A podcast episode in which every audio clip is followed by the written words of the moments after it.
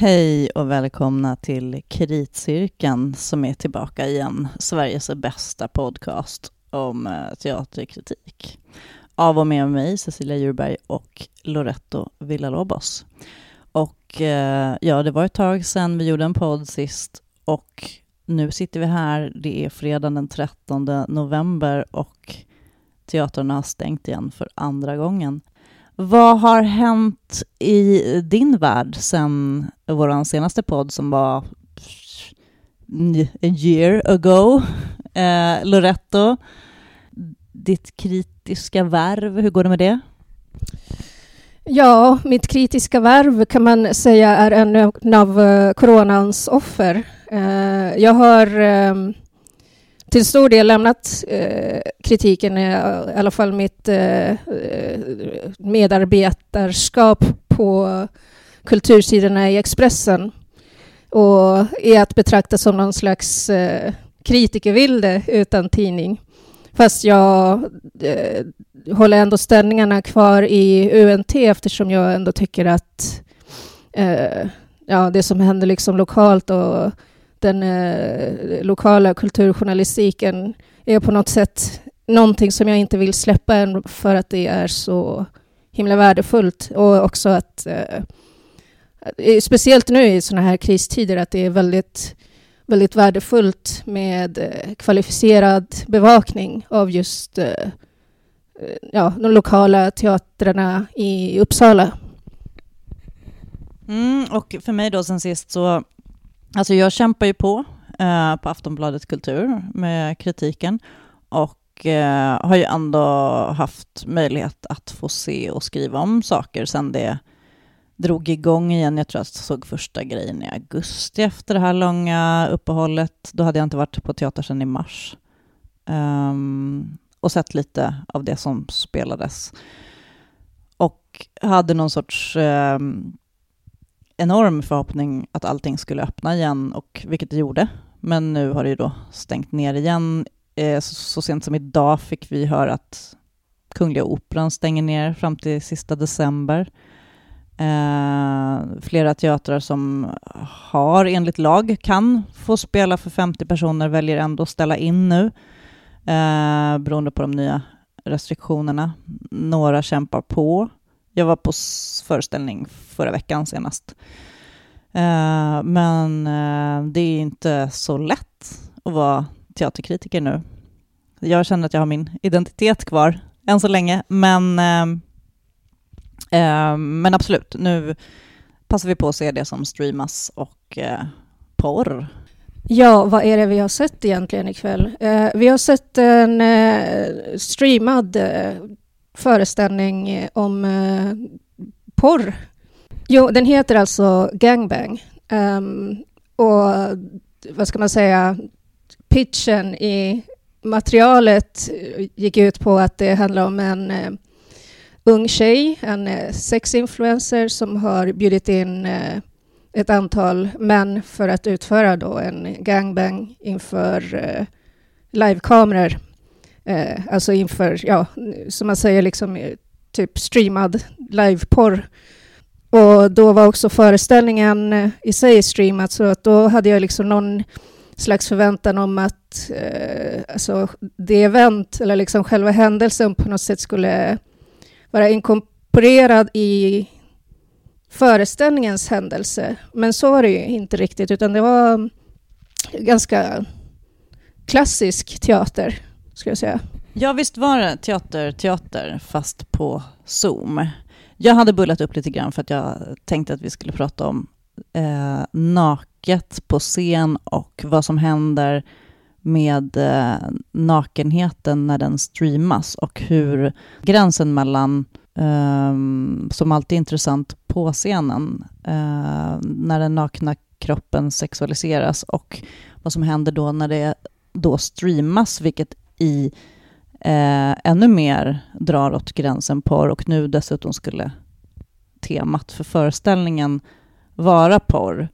Eh, men jag är, ja alltså nu låter jag ju som en, eh, som en gumsjuk gammal tant, men, men jag är ju besviken. Eh. Ja, nej men jag hade ju också förväntat mig att det skulle vara barnförbjudet. Det stod till och med på deras hemsida att eh, det är åldersgräns 18 år, men eh, det här är liksom ingenting som kommer eh, kräva några större förklaringar om det är så att ens kids råkar titta över axeln när man sitter och tittar på det här eh, streamat.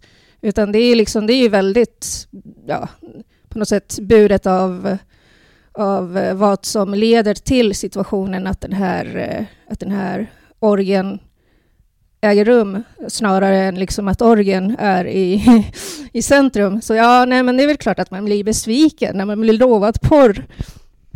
Det märktes ju lite i chatten också. Det var någon som skrev så här, vad är det jag har betalat för? Eh, och eh, men, men, men det sagt, för jag tänkte också, just eftersom jag hade eh, teaterträffen i Berlin följde jag online i våras, i maj, som, när den sändes.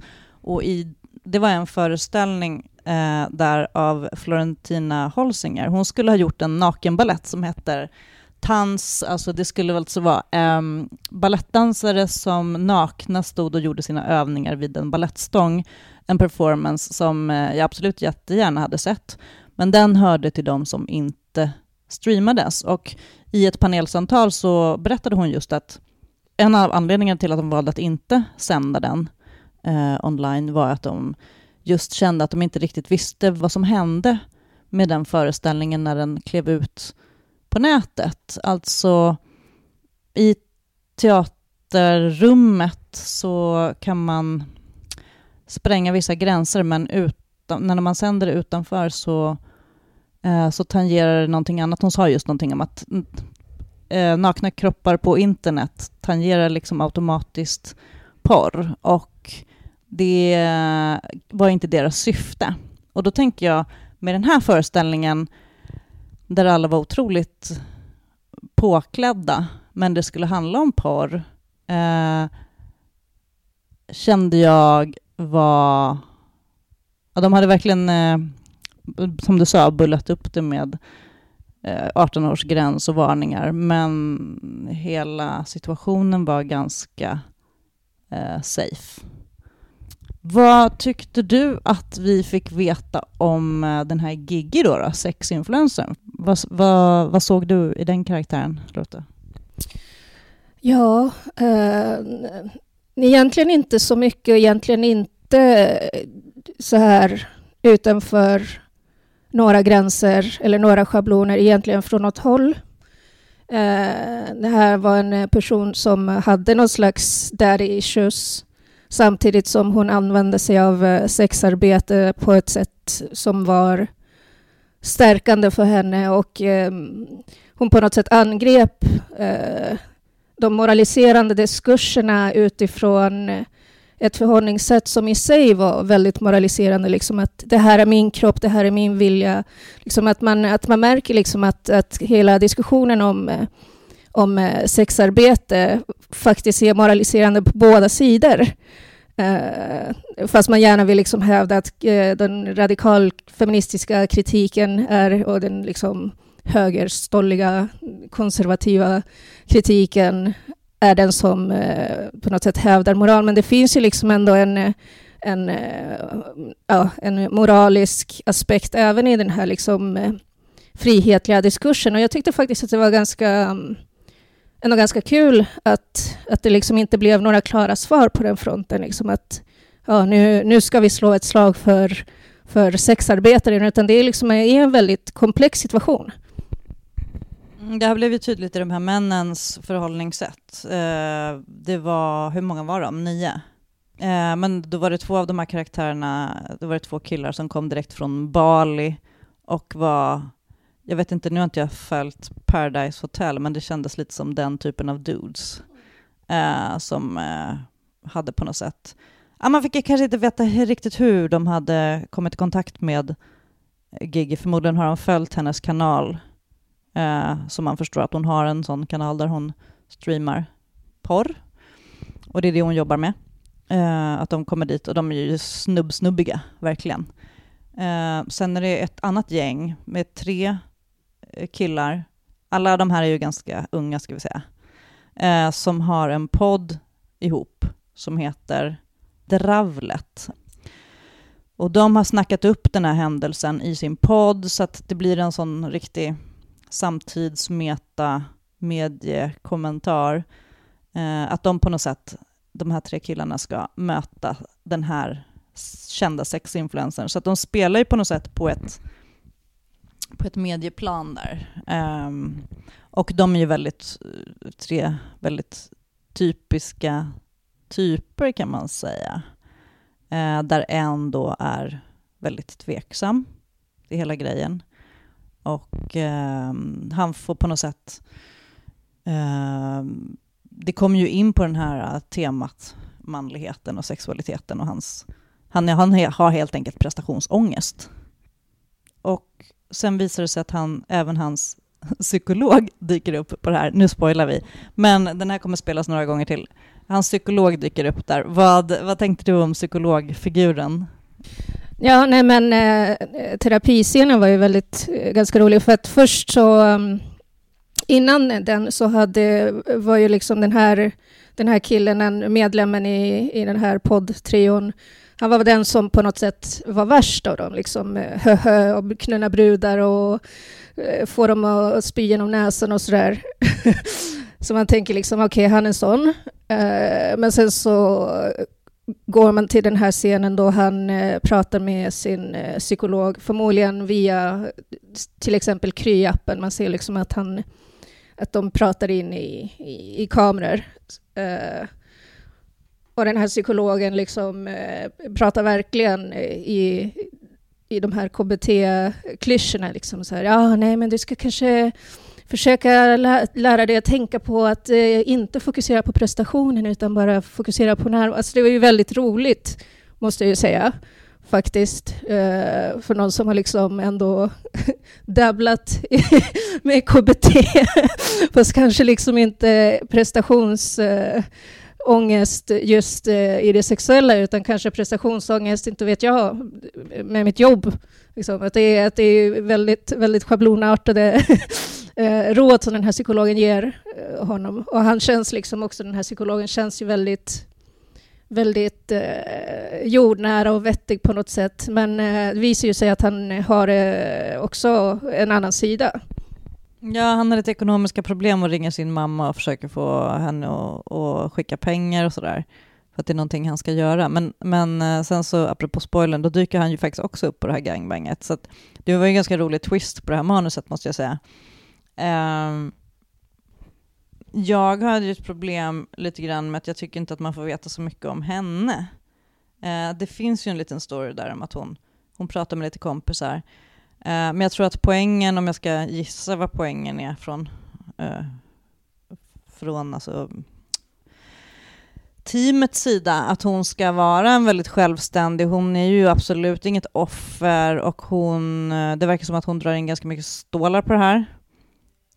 De pratar om att de har liksom en 5 000 betalande på förhand och räknar med en 10 000 som ska titta. Och då börjar man ju ändå fundera på apropå att det här är en teatermiljö. Jag tror att det var, jag försökte snegla hur många det var som tittade på den här föreställningen och det var väl runt en 150 kanske som hade betalat för att se den här föreställningen. Och då undrar jag hur många som har lockats av titeln och affischbilden. Eh, lite grann eh, sälja grej med tjej. För hur ska teatern klara sig i coronatider? Nu ska vi streama grejer. Jag vet att vissa, eh, vissa teatrar har ju pratat om att vi ska gå ut och livestreama saker och det här är vårt enda sätt. Men det blir, ja, vissa gör det jättebra och vissa blir det så-så. Och hur många är det som tittar? Och vilka är det som tittar på de här, alla de här live-grejerna som gjordes framförallt i våras? De här härliga ropen på hjälp och kom och se oss.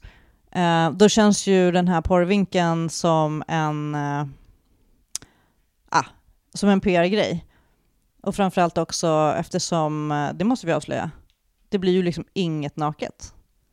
Eh, det blir prat om kön, men inget i bild, vilket jag faktiskt på något sätt, jag hade nog väntat mig faktiskt lite mer. Men känns det inte lite fegt? Vad tycker du?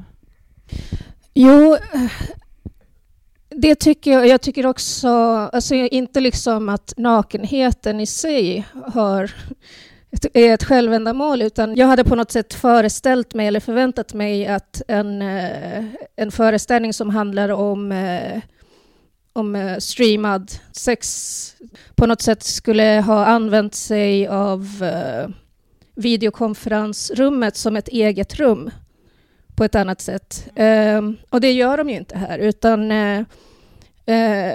för att den här sändes då via Zoom och då är det liksom så att eh, man använder eh, vi, alltså stream, videokonferensappen som ett instrument, som ett verktyg istället för ett rum i sig. Vilket jag tycker är synd. Eh, så nu var det liksom, ja, de, är på, de, är ju, liksom, de står ju liksom på en scen, förmodligen på reflexen. Och så är det någon som håller i en kamera. Och det är liksom, alltså det är ju väldigt, väldigt liksom traditionell teater. Så att jag var liksom lite besviken faktiskt. Jag hade förväntat mig på något sätt att man skulle använda sig av det, av det eh, streamade rummet som ett, e-, som, ett, som ett eget rum, helt enkelt. Nej, men det är lite intressant faktiskt att man ändå gör så att man bygger upp en, ett teaterrum som man filmar av när man ändå spelar att man gör en streamad porrshow.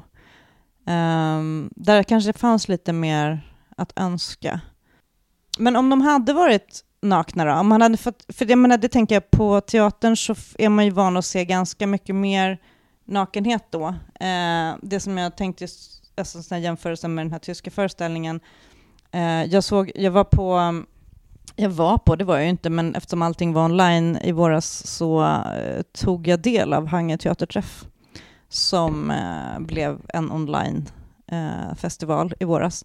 Och där var det ju två, minst två föreställningar då som tangerade naket och porr, eh, varav en, om jag ska ta en sån jämförelse, den, eh, en föreställning som heter Distant Dildos, eh, som har gjorts som en fysisk teaterföreställning, men som de gjorde i en liksom, inspelad version, eh, som faktiskt utforskade extremt explicit porr, eh, ganska grovt med, alltså utan att vara nakna själva så använder de ju en massa attribut eh, för att beskriva både också inspelningssituationen, alltså det här med att växla mellan att vara på ett jobb och de hade liksom en liten scen bakom där de gick och drack kaffe och sen fortsatte de liksom surrade fast någon i en stol och körde ner en dildo i halsen och det var ganska så grovt. Men ändå inga blottade kön och inga nakna kroppsdelar.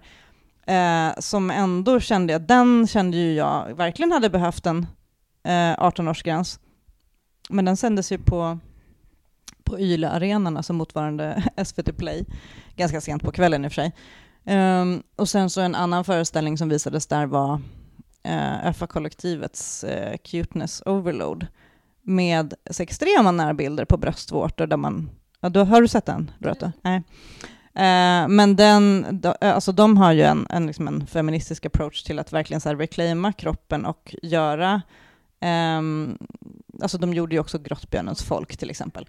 Eh, och eh, drar sig då inte för att så här, eh, leka med sina tuttar i närbild och liksom och på något sätt lyckas avsexualisera kroppen på det sättet som man är lite van vid i performancevärlden. Eh, och det är ju inte så att det inte handlar om sex ändå, eftersom det liksom är fysisk närhet. Eh, så eh, det här var ju en tredje väg som var lite mer vad jag förväntar mig av svensk teater faktiskt. Eh, men naturligtvis så är ju hela den här diskussionen med, alltså temat är naturligtvis absolut intressant.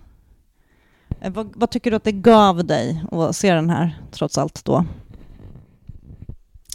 Så, mm, gav mig? Det, det vet jag sjutton. Nej, men alltså jag tycker att det är um, ändå spännande att se hur, um, hur den eh, streamade scenkonsten ändå är i sin linda och uh, jag önskar ju att man liksom på något sätt uh, bejakar mer det, det streamade, alltså, eller liksom uh, videokonferensrummet som ett eget rum.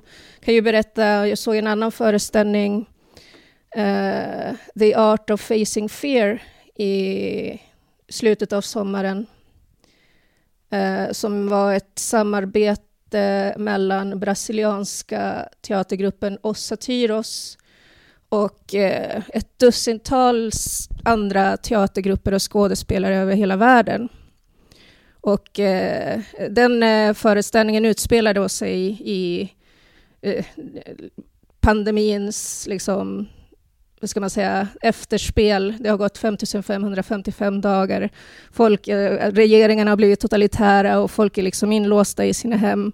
Och den enda information de har egentligen tillgång till är, eh, är just eh, träffarna mellan varandra över hela världen just via videokonferensapp. Så där hade man ju liksom använt det som ett eget rum. Och jag tyckte också att det fanns, eh, det fanns ett fint potential där också för att innan liksom själva föreställningen började så fick man som publik skriva in i chatten. Man fick instruktion att man skulle skriva in eh, hur man hade påverkats av pandemin och eh, vad som skrämde en mest med pandemin. Och det blev liksom ett så här, på något sätt ohierarkiskt, immersivt eh, moment i det hela. Liksom att det kändes som att Ja, för att vi vet ju liksom att de här skådisarna som sitter i Afrika, Europa och Sydamerika, de sitter ju också framför sina Zoom-appar. Så att det blir liksom på något sätt en väldigt så här, demokratiskt eh, delande av en erfarenhet.